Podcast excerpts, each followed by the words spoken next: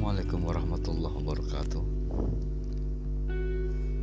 Kembali bersama saya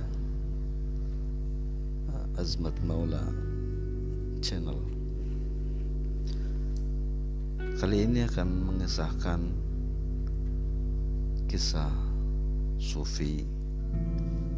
Semoga bisa menginspirasi kita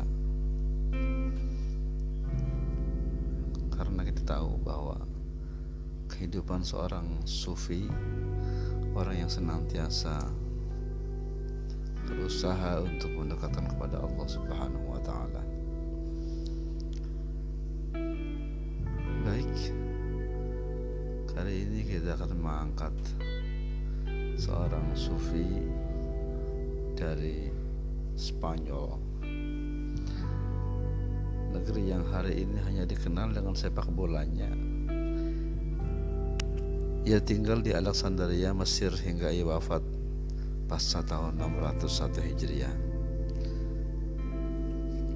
Dalam kitabnya Anwarul Hidayah, Profesor Ibrahim Syihatih menjelaskan letak makamnya di Iskandaria di dalam masjidnya di Hai daerah Jamrek. Abdullah Al-Mughawiri dulunya seorang buruh dari kota Sevilla ketika pasukan dinasti Muwahidun menaklukkan negeri negeri-negeri situasinya genting dan penuh bahaya. Banyak masyarakat yang menjadi korban. Di antaranya ada yang memilih untuk mengungsi termasuk Abdullah Al-Mughawiri di saat Abdullah dalam perjalanan menuju tempat pengungsian ke wilayah negara lain dia bertemu dengan seorang gadis cantik. Tentu saja kecantikan perempuan asal Spanyol tak diragukan lagi. Spanyol gitu. Dari dulu hingga sekarang Gusti Allah menganugerahi masyarakat Spanyol dengan ketampanan dan kecantikan. Kita nggak usah ngiri. Ini udah bagian mereka. Tidak ada riwayat yang menyebutkan nama gadis ini. Sebut saja namanya Belinda. Belinda pun ingin mengungsi, namun dia dalam keadaan tak berdaya. Di dalam kelemahannya tersebut, Belinda itu mengadu kepada Syekh Abdullah. Kang, tolong bawa aku ke Sevilla dan selamatkan aku dari pasukan itu. Aku tak ingin jadi korban peperangan ini, Kang. Setelah berpikir sejenak, Abdullah memutuskan untuk menolong Belinda. Beliau menggendong perempuan itu di atas pundaknya, lalu membawanya keluar dari wilayah bahaya. Ketika mereka berdua tiba di tempat sepi, Abdullah tersergap kecantikan Belinda. Wah, kada Spanyol bro. Dia ingin berbuat tidak senonoh kepada Belinda. Beliau saat itu masih muda sehingga tubuhnya masih kekar dan darah mudanya menggebu-gebu termasuk syahwatnya.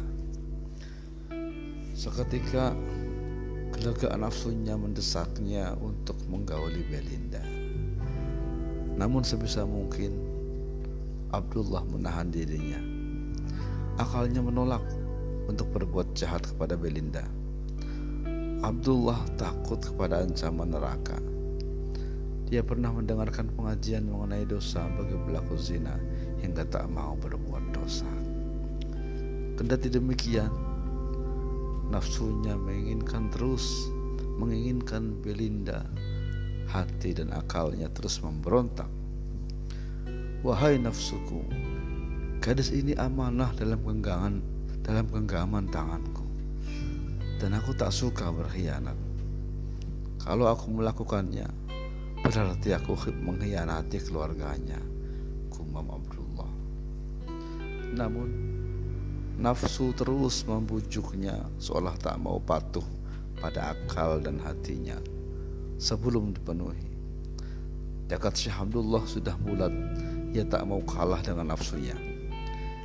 Ketika beliau amat ketakutan dengan nafsunya, beliau pegang kemaluannya lalu menjepitnya menjepitnya dengan dua batu hingga terluka. Masya Allah.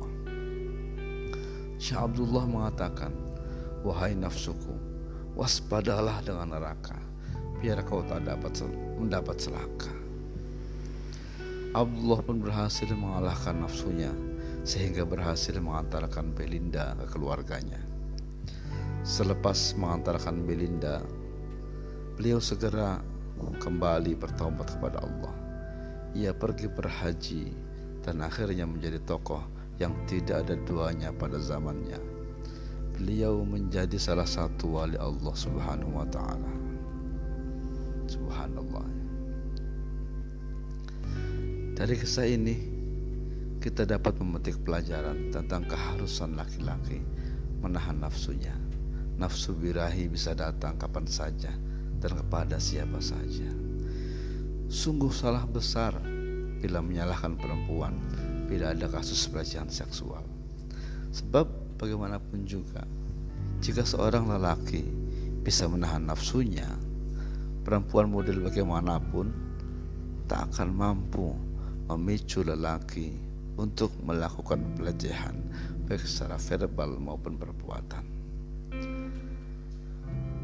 Jadi kasus pelecehan seksual tidak akan terjadi bila lelaki benar-benar melaksanakan perintah Allah.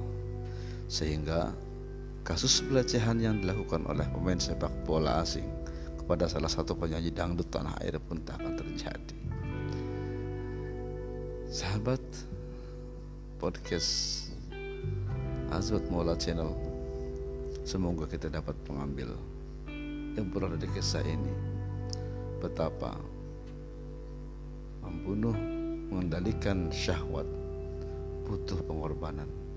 Bayangkan seorang tokoh sufi ini Syekh Abdullah sampai rela menjepit kemaluannya dengan batu demi amanah agar dia sam jangan sampai berlaku tidak baik kepada seorang perempuan. Demikian Semoga bermanfaat. Assalamualaikum warahmatullahi wabarakatuh.